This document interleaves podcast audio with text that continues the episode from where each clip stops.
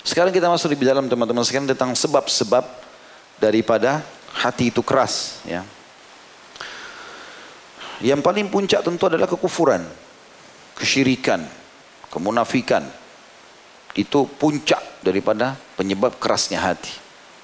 Kapan orang masuk kepada kekufuran, kemunafikan, pura-pura Islam, ya, maka Allah mengetahui isi hatinya. Dan Allah menyebutkan di dalam Surah Al-Imran, surah nomor 3 ayat 151. A'udzu billahi minasyaitonir rajim. Sanulqi fi qulubil ladzina kafaru ru'ba bima asyraku billahi ma lam yunazzil bihi sultana wa ma'wahum wa ma'wahum nar wa bi'sa mathwal zalimin. Akan kami masukkan ke dalam hati orang-orang kafir itu rasa takut. Jadi setiap kali mereka mau berperang mereka punya rasa takut. Luar biasa ketakutannya. Karena mereka telah mempersekutukan Allah dengan sesuatu yang Allah sendiri tidak menurunkan keterangan tentang itu. Tempat kembali mereka neraka dan itulah seburuk-buruk tempat kembali bagi orang-orang yang zalim. Ini penyebab utama kerasnya hati. Gitu kan. Kemudian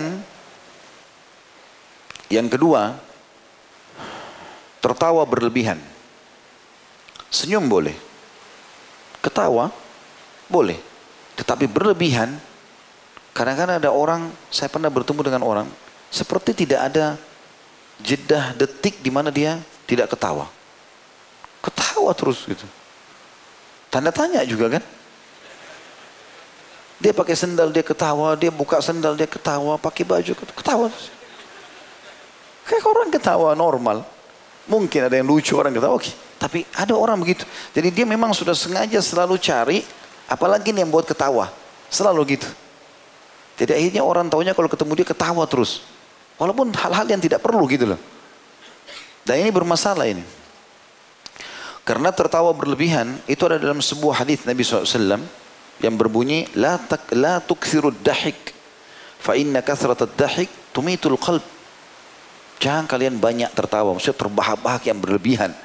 Ingat, senyum boleh, ketawa boleh, tapi pada batasannya. Nabi SAW tersenyum dengan para sahabat. Nabi SAW pernah tertawa gembira. Gitu kan? Sampai Nabi SAW pernah tertawa sampai urat leher beliau terlihat. Karena gembiranya pada saat beliau menggambarkan ahli, ahli surga yang terakhir keluar dari neraka. Gitu kan? Karena dia pada saat mau masukkan ke dalam surga, Allah berikan kepada dia sepuluh kali lipat yang dimiliki raja dunia. Maka saking gembiranya dia mengatakan, Ya Allah, kau adalah hambaku, aku adalah ham, aku adalah Tuhanmu. Dia balik karena gembiranya. Lalu Nabi SAW karena gembira akan ada orang masuk surga begini, beliau tertawa dan pada saat itu terlihat urat sarafnya, urat, urat lehernya, alaihissalatu wassalam. Tapi itu ada sebab. Ada orang kadang-kadang tidak ada sebab. Tertawa terus. Semuanya ketawa. Walaupun dia niat ingin menghibur orang. Dan ini efek bahayanya teman-teman sekalian. Akhirnya dia harus mengarang-arang cerita yang membuat orang lain tertawa. Dan ini berbahaya. Mengarang cerita ini nggak boleh. Ya. Mereka ya akhirnya membuat orang-orang pada tertawa ya. Kalau dia tertawa memang karena dasarnya ada hal-hal yang mendorong masalah itu, ya mungkin. Tapi kalau tidak, nggak boleh sama sekali. Itu yang keberapa? Yang kedua. Yang ketiga, banyak bicara hal-hal yang kosong dan banyak makan. Kenapa ketawa? Bishr bin Harith berkata, ada dua hal yang dapat mengeraskan hati. Banyak bicara dan banyak makan. Ya. Dan ini statement sebenarnya yang dimaksudkan adalah banyak berbicara pada hal-hal yang kosong. Kalau orang banyak berbicara pada hal yang bermanfaat, sebentar nasihati orang ini, sebentar nasihatin orang itu, tidak ada masalah. Sebentar bertanya tentang ilmu ini, bertanya tentang ilmu itu, oke. Okay. Gitu kan? Itu mungkin. Begitu juga dengan makan, makan yang diperlukan. Ada orang kadang-kadang tidak perlu tapi tetap makan. Walaupun tidak diperlukan. Selalu saja begitu. Akhirnya membuat ngantuk. Ya. Bermasalah dan seterusnya. Jadi makan boleh dalam Islam. Nabi SAW makan, minum, berbicara. Tapi tidak boleh sampai melampaui batas. Ya. Karena ini berbahaya. Makanya Iyas Al-Muzani rahimahullah salah satu ulama tabi'in yang masyhur sekali dengan kesolehannya dan kecerdasannya, dia bilang saya tidak pernah dikala berargumentasi sama orang-orang. Karena beliau cerdas sekali dan tahu dalil-dalil. Begitu orang bicara sama dia, dia sudah tahu jawaban dalilnya. Dia bilang kecuali satu orang. Hadir di majelis saya diduduk di pojok. Gak pernah bicara. Bertahun-tahun belajar gak pernah bicara. Terus saya tanya dia, kenapa anda ini jarang sekali bicara? Dia bilang, Allah memberikan saya dua kuping dan lisan satu supaya saya lebih banyak dengar daripada bicara. Kata Iyas rahimahullah, saya terus ulangi kalimat hikmahnya dia. Allah berikan saya dua kuping supaya saya banyak mendengar dan satu lisan supaya lebih sedikit berbicara. Artinya teman-teman, jangan juga antum pulang dari sini. Ya akhi kenapa? Bukan. Bukan begitu. Tetapi bicara itu sebelum antum bicara bermanfaat gak ini? Bermanfaat gak? Kalau mau bertanya, tanya diri sendiri. Ini pertanyaan bermanfaat buat saya gak? Antum mau tanya teman antum di sebelah pakai baju bagus, tanya. Tanya dulu diri kita. Kalau saya tanya manfaatnya buat saya apa? Oh memang karena kita mau beli. Akhi, ukti beli di mana bajunya? Masuk akal. Tapi kalau satu majelis begini, Masya Allah ribuan. Kau beli baju di mana? Kau beli baju di mana? Kau beli apa manfaatnya? Gitu kan. Omong kosong. Makanya Nabi SAW ingatkan dalam poin ini, Man kana yu'minu billahi wal yawmil akhir falyakul khairan aw liyasmut. Siapa yang mengaku beriman pada Allah dan hari akhir mau masuk surga selama dari neraka, ucapkan yang benar atau diam saja. Apalagi kalau antum tidak ada ilmunya di situ. Ada orang subhanallah, kita duduk di satu majelis bicara tentang ah, dia juga di situ muncul. Tiba-tiba ngomong. Kayak dia ahlinya. Kita bicara materi lain, dia juga di situ menonjol. Ini menonjol. Tidak ada orang menonjol di semua bidang, teman-teman. Aneh, gitu kan? Bagaimana dia bisa begitu? Berarti hanya ada ria di sini. Tapi orang yang cerdas adalah dia bicara apa yang dia bisa. Apa memang bidangnya dia, dia bicara. Itu pun setelah mempertimbangkan matang-matang. Gitu. Kemudian selanjutnya, banyak melakukan dosa. Ya, ini yang keempat banyak melakukan dosa sekaligus juga lalai dari ketaatan. Nabi SAW bersabda, Innal mu'mina idha adnaba kanat nuqtatun sauda fi qalbih. Fa in taba wa naza' wa astaghfar ya qalbuh. Fa in zada zadat. فذلك فذلك الران الذي ذكره الله في كتابه كلا بران على قلوب ما كانوا يكسبون Sesungguhnya seorang mukmin jika melakukan dosa maka akan ada bintik hitam di hatinya. Jika ia bertobat dan berhenti dari dosanya, dia merasa itu sesuatu yang besar, dia takut sama Allah, dia tidak mau lagi melakukannya, maka jika dia bertobat dan bertobat, berhenti dari dosanya dan memohon ampun, maka hatinya akan mengkilat kembali. Bersih lagi dan lunak. Apabila dia terus melakukan dosa, maka bertambah pula titik hitam itu, noda hitam itu. Itu adalah arran yang disebutkan dalam firman Allah. Arran yang artinya penutup ya yang disebutkan firman Allah sekali-kali tidak demikian. Sebenarnya apa yang mereka usahakan untuk menutupi hati mereka. Surah Al-Mutaffifin, surah nomor 83 ayat 14. Jadi ada orang-orang subhanallah yang melakukan dosa saya bilang tadi. Satu dosa kecil sudah membuat dia gelisah.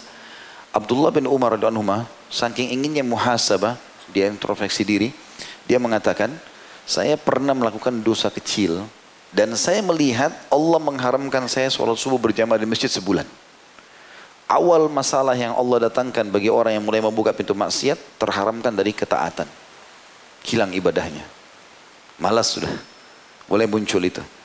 Kalau antum subhanallah coba komitmen setiap hari menjaga ibadah itu, azan itu kita bangun, terbangun bahkan sebelumnya Allah bangunkan kita untuk pergi sholat. Tapi kapan kita buat dosa? Bangun tiba-tiba sudah terang matahari. Kuasa Allah SWT. Kalau para salafus salih menjadikan itu bahan muhasabah. Allahu a'lam antum. Ya. Begitu juga dikatakan tentang masalah masih di poin ini ya. Poin yang keempat, kelalaian dari ibadah. Jadi dia mau melakukan dosa dan dia tidak kembali serta kelalaian dalam ibadah. Allah mengatakan tentang hati-hati seperti itu dalam surah Al-A'raf surah nomor 7 ayat 179. A'udzu billahi minasyaitonir rajim. Wa laqad zara' wa laqad zara'na li jahannama katsiran minal jinni wal ins. Lahum qulubun la la yafqahuna biha wa lahum a'yunun la yubsiruna biha wa lahum adhanun la yasma'una biha. Ulaika kal an'ami bal hum adall ulaika humul ghafilun. Dan sungguhnya kami jadikan untuk isi neraka jahanam kebanyakan dari jin dan manusia. Apa sebabnya ya Tuhan kami? Mereka masuk jadi ahli neraka. Mereka mempunyai hati tetapi tidak dipergunakan untuk memahami ayat-ayat Allah. Mereka mempunyai mata tapi tidak dipergunakan untuk melihat tanda-tanda kekuasaan Allah. Dan mereka mempunyai telinga tapi tidak digunakan untuk memperdengarkan ayat-ayat Allah. Mereka itu seperti binatang-binatang ternak. Bahkan mereka lebih sesat dari itu. Mereka adalah orang-orang yang lalai. Gitu. Jadi dia tidak gunakan fasilitas subuhnya ini justru untuk patuh kepada Allah SWT. Yang kelima, nyanyian dan musik. Abdullah bin Mas'ud berkata radhiyallahu anhu, Al-gina yumbitun nifaq fil qalb. Nyanyian dan lagu-laguan menumbuhkan kemunafikan di dalam hati. Tapi kan enak Ustaz dengar musik. Iya. Syaitan akan menghiasi itu. Tapi antara Al-Quran dengan musik seperti minyak sama air. Biar antum taruh di satu wadah pasti berpisah. Tidak akan pernah bisa. Antum mau khusyuk, mau merasa tentram dengan Al-Quran, mau merasa menangis, jauhi musik. Salafus soleh kalau jalan dengar musik tutup kupingnya. Gak mau dengar. Apa pun orang katakan teman-teman sekalian. Ini resep syar'i. Kalau mau aman hati antum lunak, jangan dengar musik. Sudah selesai. Putus hubungan sama musik ini. Mau orang bicara apa pun, mau anasyid islami, terserah. Silakan anda bicara. Kalau saya, saya tidak mau. Tutup sudah. Al-Quran dan pengajian. Selesai. Umur antum terbatas. Kalau itu minimal syubhat bisa jadi masalah. Apalagi kalau dasarnya haram. Ini Abdullah bin Mas'ud sahabat Nabi yang mulia. Mengatakan dari zaman dulu ini. Dia akan memunculkan kemunafikan dalam hati. Artinya ragu dengan Islam. Ya dengan ragu dengan janji-janji Allah. Itu orang munafik kan. Ragu dengan ancaman Allah. Benar enggak sih saya masuk surga? Benar enggak ada pahalanya? Muncul kemunafikan dalam hati. Wa na'udzubillah. Enggak ada musik tutup sudah. Enggak ada. Kan kalau enggak dengar musik kupingnya copot. Mungkin, mungkin. Dengar. Nah, ini enggak ada. Malah enak. Tentram. Coba ditinggalin seminggu aja. Nanti kalau antum dengar jadi enggak enak kuping antum itu. Apa ini? Itu. Sampai pada tingkat itu nanti perasaannya. Mirip dengan orang yang merokok. Kemudian ditinggalkan rokok. Lama-lama dia bilang. Berapa kali ada ikhwan datang kepada saya. Dulu saat saya perokok berat. Begitu saya tinggalkan. Karena Allah. Sekarang saya cium baunya saya mau muntah. Kuasa Allah SWT. Allah balikkan karena memang seperti minyak sama air tadi maksiat sama ketaatan itu tidak bisa ketemu. Antum harus tentukan teman-teman. Jadi orang baik sekalian atau jadi orang buruk sekalian. Tengah-tengahnya nggak bisa. Warna-warni ini nggak jelas.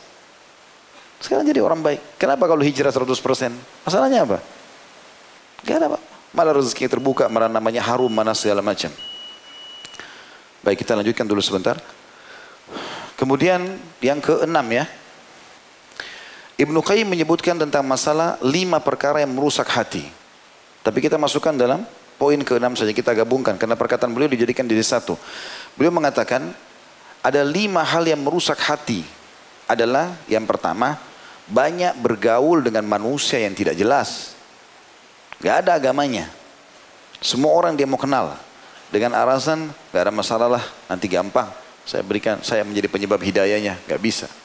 Kita boleh kenal tapi berbaur, duduk sama mereka, bermajlis sama mereka ini masalah. Masalah. Kita lemah teman-teman sekalian. Jangan bilang kita bisa mempengaruhi orang. Kita sendiri butuh dipengaruhi dengan kebaikan-kebaikan. Yang kedua banyak berangan-angan. Khayalan kosong. Mengkhayal supaya istrinya orang dia dapat. Khayalan. Udah jadi istri orang nggak boleh. Haram. Ya. Banyak berangan-angan kosong. Yang ketiga, tergantung kepada selain Allah Azza wa. Ada apa-apa, selalu sakit dokter ini. Mau pinjam uang sama si fulan. Tidak pernah angkat tangan ke langit. Ya akhi dan ukhti. Alhamdulillah. Wassalatu wassalamu ala rasulillah. Ya Allah berikan saya. Allah kasih. Allah kasih. Mayoritas permintaan kita sehari Allah kasih loh. Cuma beberapa yang Allah belum kasih. Bukankah tiap hari antum lapar dan haus? Hah? Benar gak? Atau di sini ada yang tidak lapar? Baik, apa yang kita bilang? Lapar. Tiba-tiba kita dapat makanan tuh. Haus. Tiba-tiba dapat minum. Capek. Bisa istirahat. Kalau tidak kita tidak akan kumpul di sini kan. Mungkin satu doa, dua doa yang Allah belum kasih. Minta kesembuhan misalnya. Allah masih tunda pemberiannya agar dia maksimal dalam berdoa. Mungkin dia minta pekerjaan Allah belum kasih karena Allah sesuatu hikmah-hikmah Allah. Tapi yang lainnya Allah kasih gitu. Kemudian selanjutnya yang keempat kekenyangan atau banyak makan. Tadi mirip dengan yang tadi. Ya, makanya mereka makan tapi tidak sampai berlebihan, gitu kan. Dan yang terakhir banyak tidur. Nah, mana tukang tidur di sini?